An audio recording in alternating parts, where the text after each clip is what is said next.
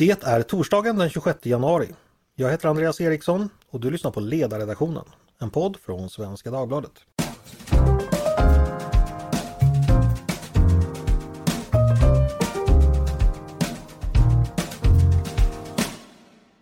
Varmt välkomna igen till oss. Idag ska vi göra ett återbesök i ett ämne som podden ganska ofta varit inne på tidigare. Vi ska prata el. Och idag tänkte jag vi ska koncentrera oss på elmarknaden. Som den har varit föremål för en hel del politisk diskussion redan. Och det är väl rätt mycket som talar för att det kommer bli mer av den varan framöver. Elmarknaden är ju precis som alla andra marknader någonting som vi människor har skapat och konstruerat. Eh, den regleras av lagar och instruktioner. Så idag tänkte jag vi ska lära oss lite mer om hur den regleringen ser ut idag, vilka fördelar och nackdelar den kan tänkas ha, samt titta på eventuella alternativ och om i så fall dessa alternativ skulle kunna vara bättre eller sämre. Med mig för att göra det har jag två gäster, nämligen Anton Sten från elbolaget Fortum och Niklas Damsgård som är chefstrateg på Svenska kraftnät. Varmt välkomna båda två! Tack så mycket! Tack så mycket. Jag tänkte vi som vanligt ska börja från början eh, så att både jag och alla som lyssnar förstår verkligen det här eh, i grunden. Eh, el handlas ju idag. Eh, vi har en marknadslösning för det. Eh, hur går det egentligen till i, i, praktiken när el köps och säljs och när priser sätts? Eh, Niklas, kan, kan, du börja ge oss liksom den något, ja, den, en så kortfattad förklaring det går givet ämnets komplexitet? Nej men absolut. Eh, till att börja med så ja, el handlas ju på många olika sätt. Vi har både bilateral handel, vi har organiserade marknadsplatser, vi har fysisk handel och vi har liksom finansiella kontrakt på längre. Men jag tänker att frågan kanske framförallt handlar om den här fysiska handeln på de organiserade marknadsplatserna. Så jag tänkte foka på den delen då här. Ja, vi börjar där. Och där, där är ju Nordpool den eh, så att säga, dominerande marknadsplatsen i, i Norden, men inte den enda. Även Epex Spot är aktiva, så det finns två olika marknadsplatser. Eh, och i, i grund och botten då så lägger marknadsaktörerna eh, sina köp och säljbud via då Nordpool eller Epex. Men oavsett vilken marknad man lägger sina bud på så klareras de liksom på en gemensam europeisk, men gemensam europeisk eh, eh, ja, marknadsalgoritm som ska maximera den samhällsekonomiska nyttan. Och då lägger de då som sagt sina köp och säljbud och de lägger dem i det elområde där de är aktiva eller det budområde där de är aktiva. Det vill säga det är ingen aktör som aktivt säger, en svensk aktör som så aktivt säger nu säljer jag den här elen i Tyskland utan de, eh, är de i SC3 så lägger de sitt bud i SC3. Sen har vi från systemoperatör, alltså transmissionssystemoperatörerna, TSO-erna, vi tilldelar överföringskapaciteten mellan de här områdena. Och då tar det här hänsyn till ja, de köp och säljbud, vilken överföringskapacitet eh, som, eh, som finns tillgänglig.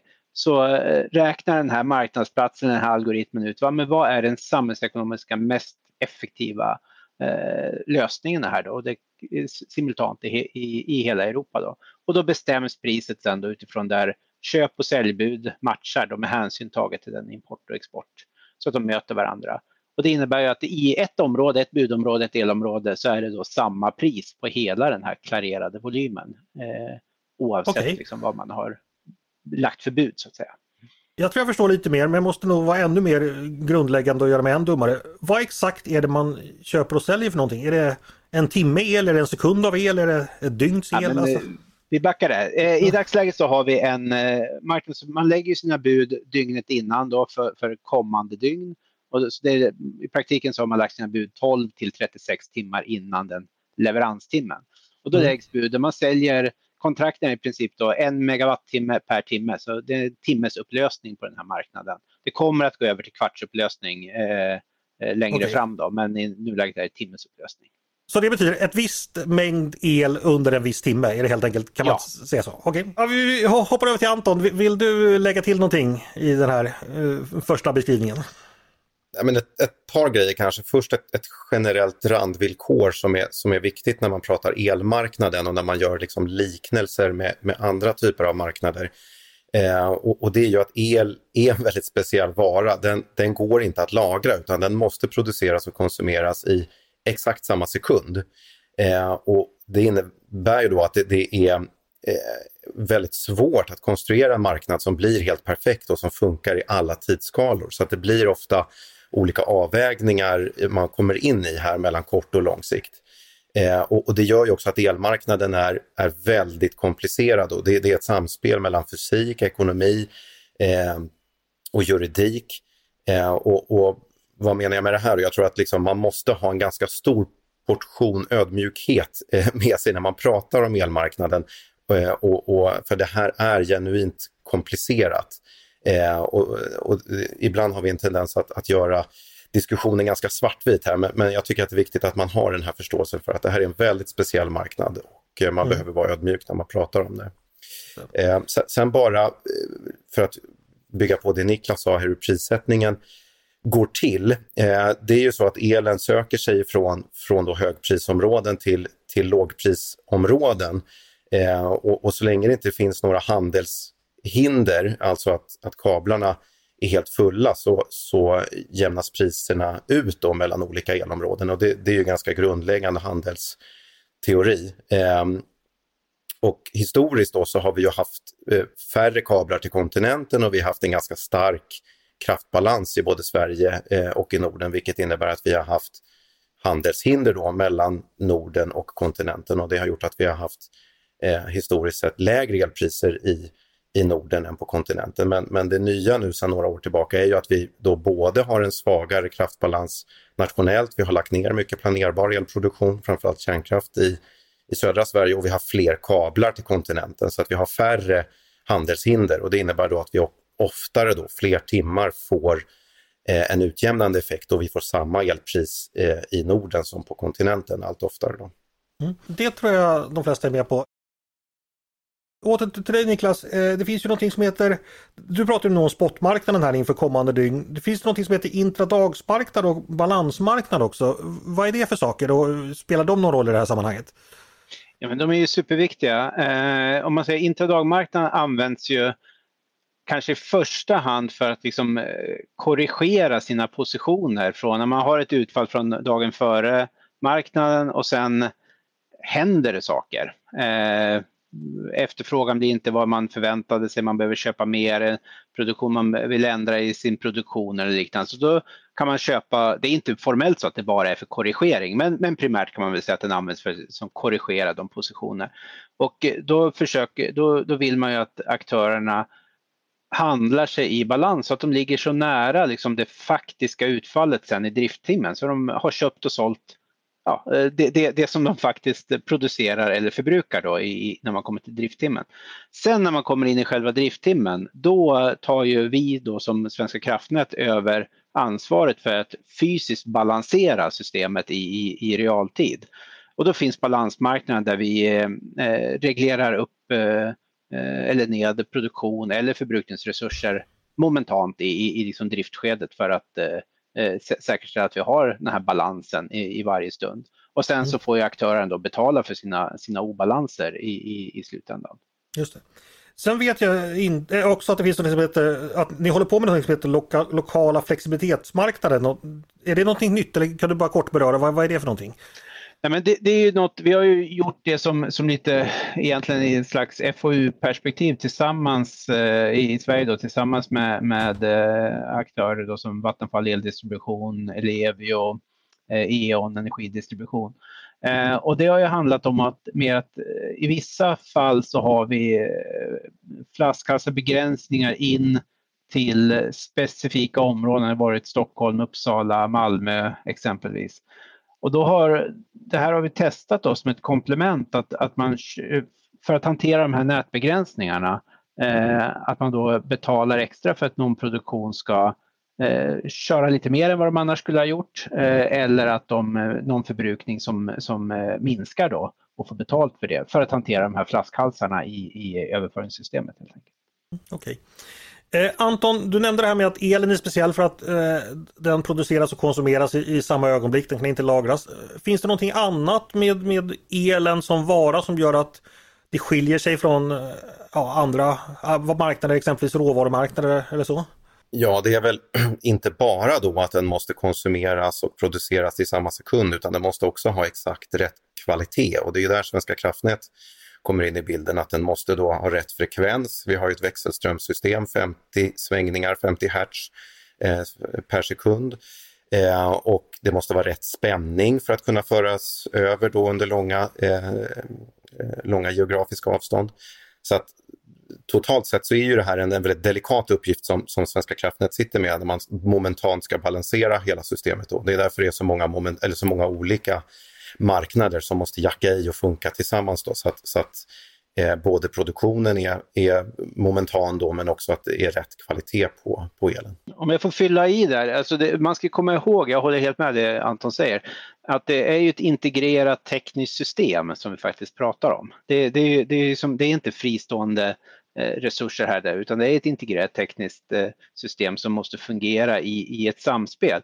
Och där spelar till exempel eh, elnätet och överföringen, de samspelar med produktionsresurser. I vissa fall så kanske man kan ersätta att vi tappar en produktionsresurs, vi kanske kan tillföra några nätkomponenter, men det behöver kanske göras en aktiv åtgärd. I andra fall är man ju mer eller mindre direkt beroende av att det finns produktions Eh, resurser eh, på plats. Då. Så det hänger ihop, det är ett integrerat tekniskt system, det måste man komma ihåg. Om jag bara får göra ytterligare ett, ett tillägg, bara för att dra lite, en historisk tillbakablick här bara för att och liksom påminna lite grann om vad, varför vi har hamnat där vi är nu. Alltså elmarknaden avreglerades ju i mitten av 1990-talet.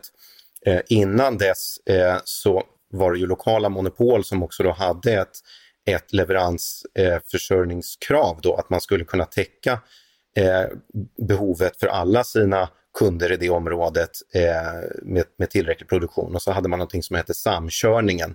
Eh, man man eh, samplanerade då anläggningar mellan olika lokala monopol för att säkerställa att det var de billigaste anläggningarna som kördes först och eh, att det var så billigt som möjligt för kunderna.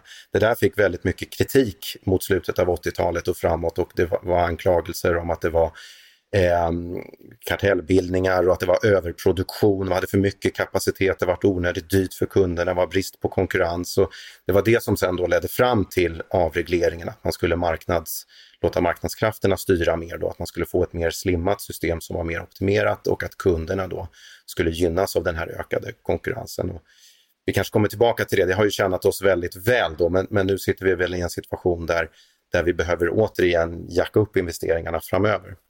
Mm. Ja, men för du, för du kommer nämligen in på nästa ämne som jag tycker är väldigt intressant och kanske inte alldeles välkänt för alla. 1996 avreglerades alltså eh, elmarknaden. Eh, och eh, ja Anton, vad kan du säga, den här kritiken som förekom då som du beskrev från, från slutet på 80-talet.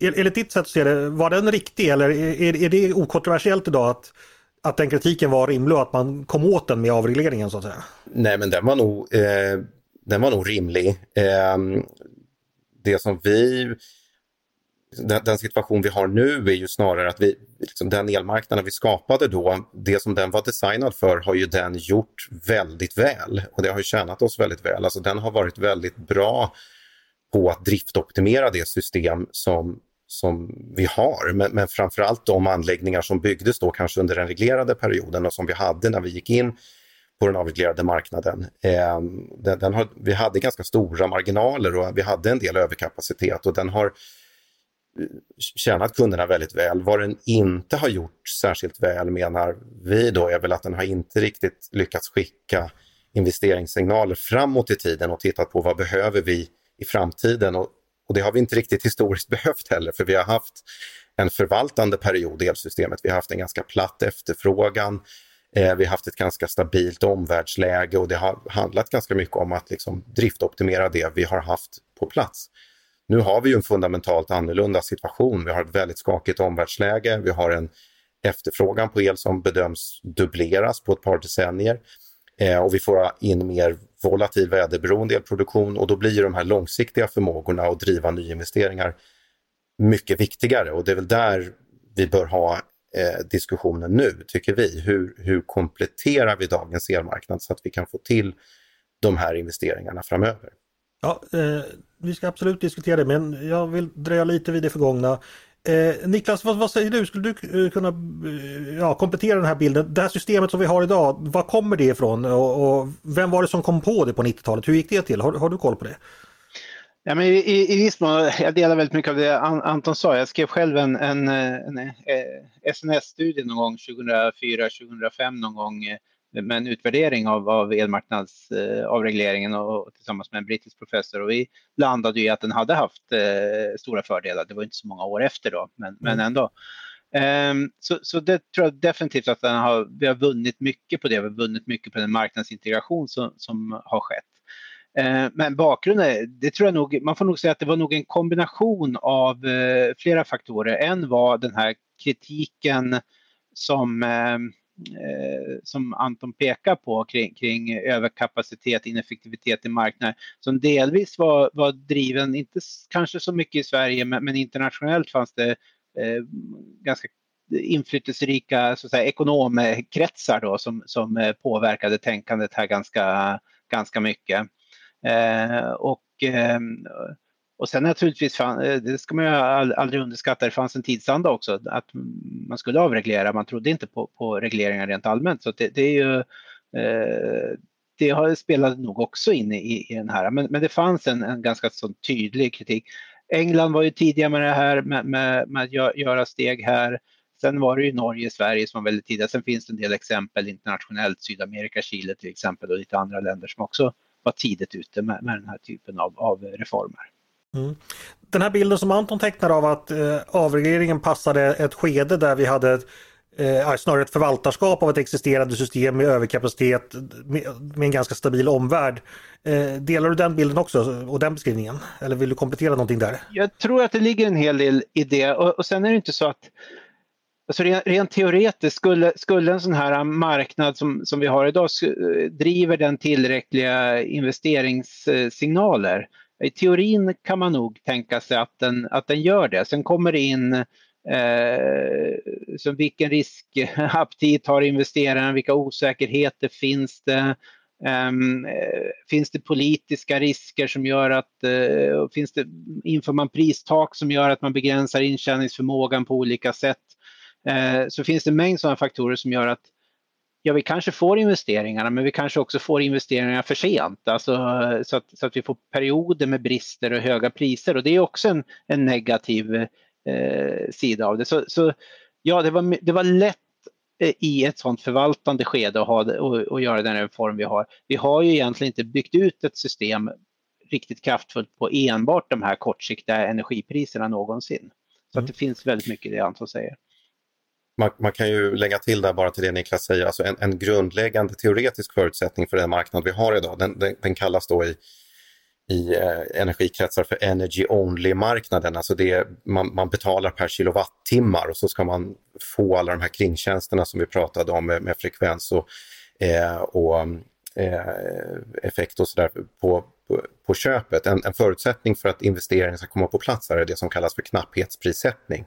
Alltså att när, när eh, vi har tajta situationer, vi har kallt väder eller brist på kapacitet, då stiger priset och då ska det skicka investeringssignaler till till eh, energibolag såsom Fortum som jag jobbar för att, att, börja investera. Det vi har sett historiskt är ju att den, den politiska och allmänna acceptansen för den här bristprissättningen är väldigt låg.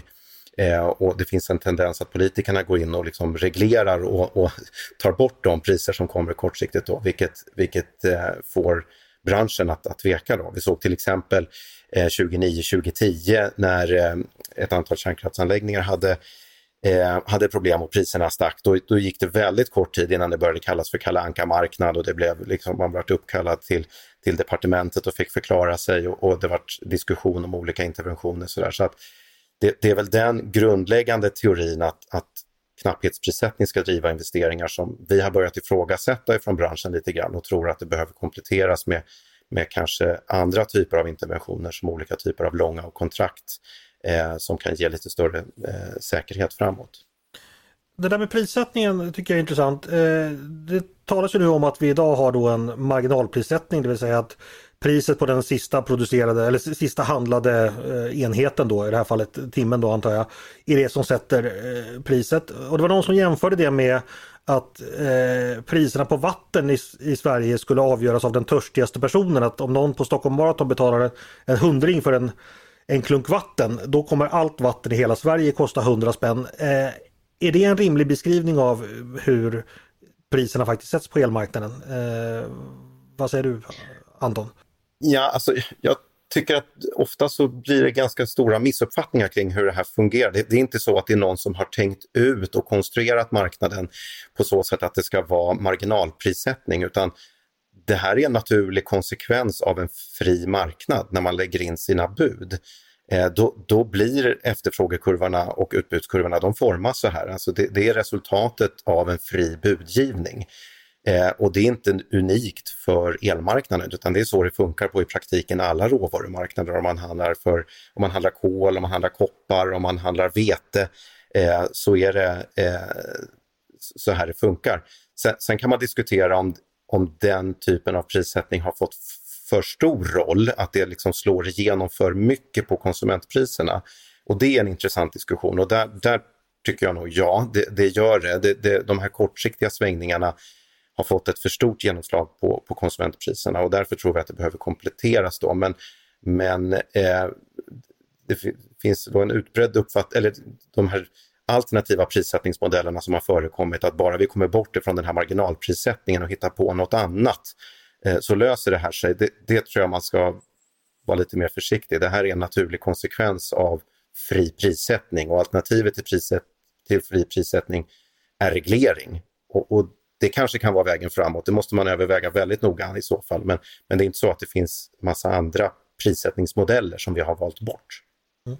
Skulle gärna vilja fylla på där. Alltså jag delar, alltså det, det låter som att det är ett aktivt val av marknadsdesign men, men det är som Anton säger här, det är, det, hela det här med marginalprissättning, om vi tittar på hur ekonomer använder det, så är det snarare en det är beskrivning av utfall på en marknad. Sen kommer vi in att på de här organiserade marknadsplatserna, typ Nordpol och annat, så har man, eh, det är någon typ av aktion som sker där och då har man en design av aktionen. Hur ska den vara utformad? Och det är där man liksom har valt, där kan man ju välja annan typ av auktionsdesign, till exempel det så här, betalning eller bud, att var och en får betalt efter det bud de har lagt. Men då får man tänka sig, vilket utfall skulle en sån auktionsdesign ha? Om vi tänker oss i en, i en värld där vi inte hade någon osäkerhet alls utan alla visste precis utfallet någonstans, då skulle ju varje aktör försöka pricka det här marginella priset. Då, då skulle vi få ett identiskt utfall på en sån marknad med betalning enligt bud som med, med, med, dagens auktionsdesign. Och sen i verkligheten så finns det massa osäkerheter som gör att utfallet skulle se lite annorlunda ut och typiskt sett ganska stora eh, negativa eh, konsekvenser. Så, så det är inte på det sättet ett sånt aktivt val av marknadsdesign utan det är, natur, det är utfallet av en marknad med fri prissättning. Så att det, det behöver man faktiskt ha klart för sig. Mm. Ja, utmärkt, då har vi det klart för oss.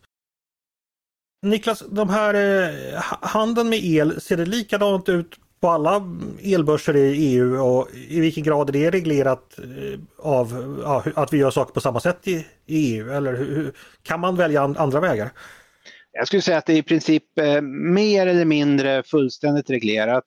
Det är ju samma som jag sa tidigare, det, är en europeisk marknadsalgoritm som klarerar hela eh, EU plus några till eh, omfattas av, av den här eh, handeln och den här marknadslösningen så att säga.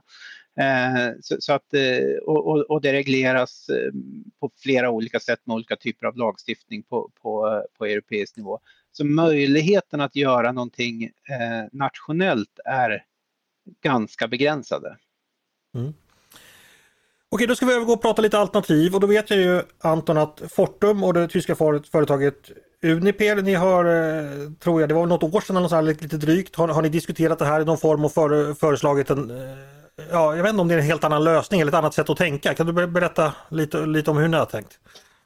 Ja, det utgår väl från då att, att eh, en evolution snarare än revolution som vi har valt att kalla det, att vi föreslår att man bygger på dagens marknad. Alltså dagens marknad menar ju vi är alldeles för kortsiktig och volatil. Den, den styrs alldeles för mycket utifrån eh, eh, vädret, omvärldsfaktorer, eh, saker som vi i allt mindre grad kan kontrollera själva. Eh, och vi menar att vi måste försöka återställa en mer långsiktig och rimlig balans eh, så att industrin och hushållskunder i Sverige har en mycket större förutsägbarhet i de elpriser man, man kommer se framöver. Att vi kan komma tillbaka till en situation där vi har låga och eh, rimliga eh, priser så att vi kan behålla eh, industri i Sverige framöver. Och hur gör man det? Vi, vi tror ju då att man ska ta tillvara på det som funkar bra i dagens system och behålla eh, de marknader som finns för den kortsiktiga driftoptimeringen, det som vi pratade om i inledningen här, som, som funkar väldigt väl och som vi har då förfinat under 30 år här. Och där vi har flera marknader som, som vi har liksom skruvat på långsamt under 30 år här som funkar bra. Men att vi kompletterar det med att också ge Svenska kraftnät ett uppdrag för att ha ett långsiktigt ansvar för elsystemet. Idag finns det ingen aktör som har ett långsiktigt ansvar eh, för att se till att vi har tillräckligt mycket elproduktion om 5 och 10 eh, och 20 år. Utan det är marknaden som ska lösa det då automatiskt och vi tror att det finns ett, ett hål att fylla här och att det behöver finnas en aktör som får till uppgift att se vilka utmaningar vi kommer ha om 5, 10, 15, 20 år och också då konstruera prismekanismer, olika typer av långa kontrakt för att säkerställa att den produktionsmix som vi behöver i framtiden också att det investeras i idag, givet att det är så långa, eh, långa ledtider. Eh, och det, det, tror vi är ett rimligare sätt och förmodligen ett, ett mer eh, genomförbart sätt att reformera elmarknaden än de här kanske lite mer radikala förslagen som har funnits om, om Sverigepriser eller det finns andra spanjorer och den grekiska modellen har förts fram i EU som, som är ganska revolutionära där vi menar att konsekvenserna av den typen av reformer är, är väldigt svåra att se på mm. förhand. Då. Eh, för vet, ni har ju pratat om att ni tycker att marknaden idag, om jag förstått det rätt, inte riktigt ger rätt investerings eh, vad ska man säga, investeringsinformation till, eller ni vill ge bättre incitament för investeringar. Är det, det så det handlar eller kan man beskriva det så? Ja, alltså elmarknaden idag är väldigt kortsiktig. Vi vet inte eh, idag vilket elpris vi har nästa vecka. Eh, och om vi ska bygga en anläggning, om vi ska bygga ett nytt kärnkraftverk till exempel som ska stå i 50, 70, kanske 80 år, eh, så är det helt monumentala osäkerheter för oss som, som blir för stora. Alltså riskpremien blir så hög att liksom slutkostnaden för det kärnkraftverket blir orimligt dyrt. Kapitalkostnaden eh, som blir resultatet av den höga risken blir, blir väldigt hög och det innebär att vi inte blir konkurrenskraftiga. Så att vi tror att genom att eh, introducera olika former av långa kontrakt där vi kan få en viss trygghet i vilka intäkter vi kommer ha eh, under en tid framöver så kan man få ner kapitalkostnaderna och risken betydligt, vilket kommer att gynna eh, alla kunder då som, som ska betala för den här elen i, eh, i slutändan. Mm. Ibland talar man ju om att så kallade systemtjänster inte eh, ersätts i, i, i motiverad grad på dag, med dagens marknadslösning. Eh, har det med det här att göra också Anton? Eh, att, att, att, ni vill hitta något sådant system? Ja, alltså det här med stödtjänster, eh, systemtjänster eller stödtjänster som man ska säga nu, är, det är en viktig del. Däremot ska man nog inte, inte överdriva betydelsen av det. Jag kan se i Tidöavtalet till exempel så, så, finns det skrivningar om det och det finns, tycks finnas en tro politiskt att, att bara man får rätt prissättning på stödtjänster då, och stödtjänster är alltså sånt som vi pratade om tidigare, spänningshållning, frekvensreglering och sådana eh, elkvalitetsförmågor. Så löser man det så har man en helt fungerande långsiktig elmarknad och det tror inte jag. Eh, det, det, det är viktigt eh, men men det, det är ett, ett, bidrag på marginalen. Det är inte det som är den stora utmaningen om vi tittar framåt i tiden, utan den stora utmaningen är att få till stånd de här riktigt långsiktiga investeringarna, framförallt i planerbar elproduktion på rätt ställe i systemet och det är där vi ska lägga krutet i diskussionen tycker jag. Mm. Jag vill släppa in Niklas där. Det här med stödtjänster som det tydligen heter har ju diskuterats. Eh, vad tänker du om det? Vilken betydelse har det i sammanhanget? Jag tycker Anton gör en ganska rimlig bedömning här. Vi, vi har, ju, har ju länge haft olika stödtjänster primärt då för, för balanseringsändamål, för frekvenshållningen. Då. Eh, så där betalar vi, där finns det ju marknader. Sen kan man ju fundera på om även de skulle vara mer långsiktiga i termer av den kapacitet vi köper för, för att underlätta investeringar i, i, i den typen av, av, av, tjänster. I dagsläget så köper vi kapacitet för det så är det egentligen vi köper kapacitet för nästkommande dag. Eh, så det är väldigt kortsiktigt. Eh, men sen finns det andra tjänster eh, som inte har med frekvensen att göra kopplat till till exempel spänningshållning och, och lite annat som vi i dagsläget inte har en marknad eller någon ersättning för. Och det är någonting vi, vi jobbar med att införa, att vi, vi tror att vi går den vägen. Men jag tror fortfarande att det, ja, det, det, det är viktigt men det kommer inte att liksom, det kommer inte i sig att kunna driva liksom, några mer omfattande investeringar. Då, då, då, eh, då är man nog ganska, eh, ja, då missar man storleksordningarna på, på vad det handlar om. Okej. Eh, och eh, det här då som Anton beskriver, förslaget från hans företag då att när man handlar om långsiktighet för att liksom kunna ja, våga göra de här väldigt, väldigt stora investeringar i ny kapacitet. Eh, nu vet jag inte hur mycket du som representant för, för verket så att säga, kan uttala om enskilda förslag, men vad, vad, tänker du om det resonemanget? Är det någonting som, som förs hos er också eller hur, hur tänker du? Ja, men vi gör nog en ganska, vi eh, ganska likartad bedömning. Att vi, vi har under 25 års tid eller så jobbat med drygt och utveckla de här kortsiktiga marknaderna och de har blivit, det finns fortfarande saker som ska utvecklas men, men, men eh, de är i grunden ganska bra, en, en, en rätt väl genomtänkt utformning i stort sett.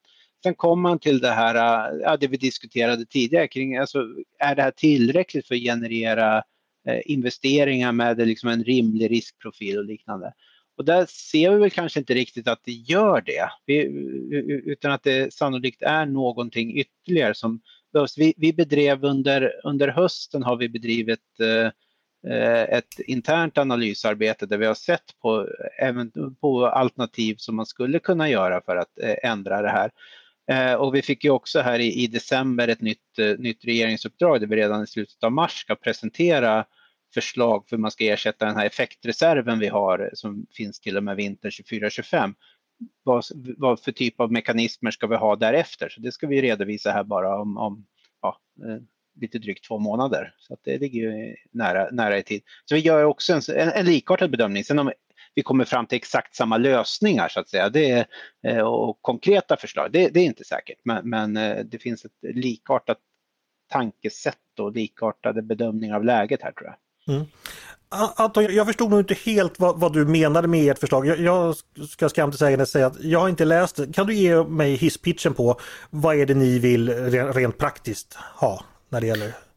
Nej, men idag så finns det ingen koppling mellan elmarknaden och andra samhällspolitiska mål. Det finns ingen, ingenting som säger att elmarknaden kommer att leverera på våra klimatmål, våra säkerhetspolitiska mål, våra industripolitiska mål, utan eh, den kortsiktiga elmarknaden vi har idag, det, det blir vad det blir. Eh, och vi, vi, lägger väldigt stor tilltro på att de här investeringarna kommer på plats. Och vi menar att det är en alldeles för stor risk att ta. Vi behöver införa några typer av mekanismer som, som säkerställer att vi tar oss åtminstone en bit på vägen eh, mot våra klimatmål om att vi, och att vi eh, eh, också blir lite mer självförsörjande än vad vi är idag jämfört med vad södra Sverige är idag.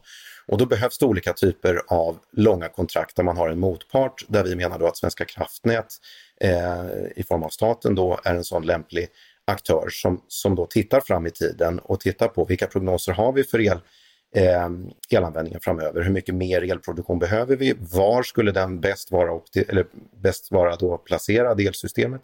Och att man sedan utformar i konkurrens och teknikneutralt aktioner där man olika företag som vill bygga då, vare sig det är, är kärnkraft, havsbaserad vindkraft eller vad det kan vara, eller vilka de förmågor som Svenska kraftnät vill ha, får buda i konkurrens och där man upphandlar det billigaste kontraktet eh, som blir till störst nytta, nytta för, för elkonsumenterna. Då. Och det här är egentligen ingen, ingen stor ny innovation utan det finns ju flera länder som, som, eh, som redan gör det här, då, Storbritannien till exempel. Så ni vill helt enkelt, om jag översätter det till, till, till mitt obildade språk, kränga större paket än timmar nästa dag. Ni vill kränga el år 2028 i stora portioner över stora delar av landet efter så att säga vissa specifikationer som Svenska kraftnät med ett politiskt uppdrag efterfrågar. Kan man sammanfatta det så? Ja, men så kan man sammanfatta det. Alltså om vi ska gå till banken imorgon och låna pengar för att bygga ett nytt kärnkraftverk så kommer de fråga, okej, okay, vad har ni för intäkter?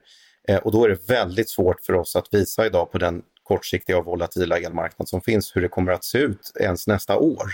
Mm. Men om vi har någon typ av mekanism som kan ge oss en rimlig förutsägbarhet eh, för ett antal år framöver så kommer det vara mycket lättare att, att göra det här görbart, kunna finansiera det här och få ner de kostnaderna så att, som också då gynnar alla aktörer och framförallt slut, slutkunderna. Då.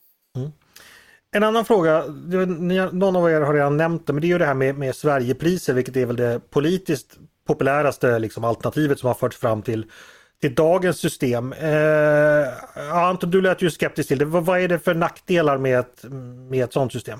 Till att börja med ska jag säga att jag, jag, har läst en hel del om det förslaget som har kommit här men det har också ställts väldigt mycket följdfrågor kring det här som inte är besvarade menar jag. Så att, så att min, min förståelse är att man vill skapa två separata aktioner för el. En Sverigeaktion där man ser till det svenska nationella behovet först och sen har man en separat eh, exportaktion där den elen som då blir över efter Sverigeaktionen prissätts separat till ett högre pris då som vi exporterar till våra grannländer. Och, eh, Niklas som är nationalekonom kan fylla på vad jag säger här och du får komplettera. Men, men, men att den kritiken som har kommit mot det här och det jag inte riktigt heller förstår det är ju att på pappret kan det här se eh, aptitligt ut men, men eh, det som sannolikt kommer att hända, utfallet av det här är ju att, att man kommer få då strategisk budgivning så att de som budar in här kommer ju att vilja vara med på den här dyrare exportmarknaden. Och hur ska man med en fri budgivning kunna hindra företag från att, eh, att vara på den exportmarknaden? Då måste man tvinga in företagen på något sätt in i den här billigare Sverigemarknaden och, och då hamnar man i det här att då måste man reglera budgivningen på något sätt. Och det kanske inte är fel, men det finns väldigt stora frågor kring hur man ska göra det på ett sätt som inte gör att det blir orimligt dyrt för kunderna på lång sikt. Och där eh, måste man gräva vidare i konsekvenserna av den här modellen betydligt mer än vad man har, har gjort hittills, tycker jag. Niklas, vill, vill du kommentera? Nej, men I grund och botten så, så som jag, jag, förstår det här är ju också, det, det, är lite grann som en sån här, som jag pratade om tidigare med betalning enligt bud. Och det är samma sak, då, då kommer man ju att försöka men om du får sälja på den billiga marknaden eller vill sälja på dyra marknaden, vilken marknad kommer du vilja gå till? Alla kommer vilja gå till den marknad man får högst betalt. Så att eh, man kommer inte få det utfall som, utan en omfattande och väldigt detaljerad och ingående reglering så kommer man inte få det utfall som man förväntar sig. Sen har jag enormt mycket frågetecken kring den praktiska implementerbarheten. Alltså vad är det som ska göras? Det påstås ibland att det här kan vi göra, bestämmer vi oss bara, Eh, eh, kan vi ha det här på tre månader?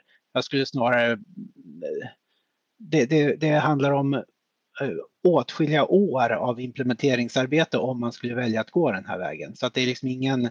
Jag tror inte den funkar, den kommer inte leverera det resultat man framställer det som.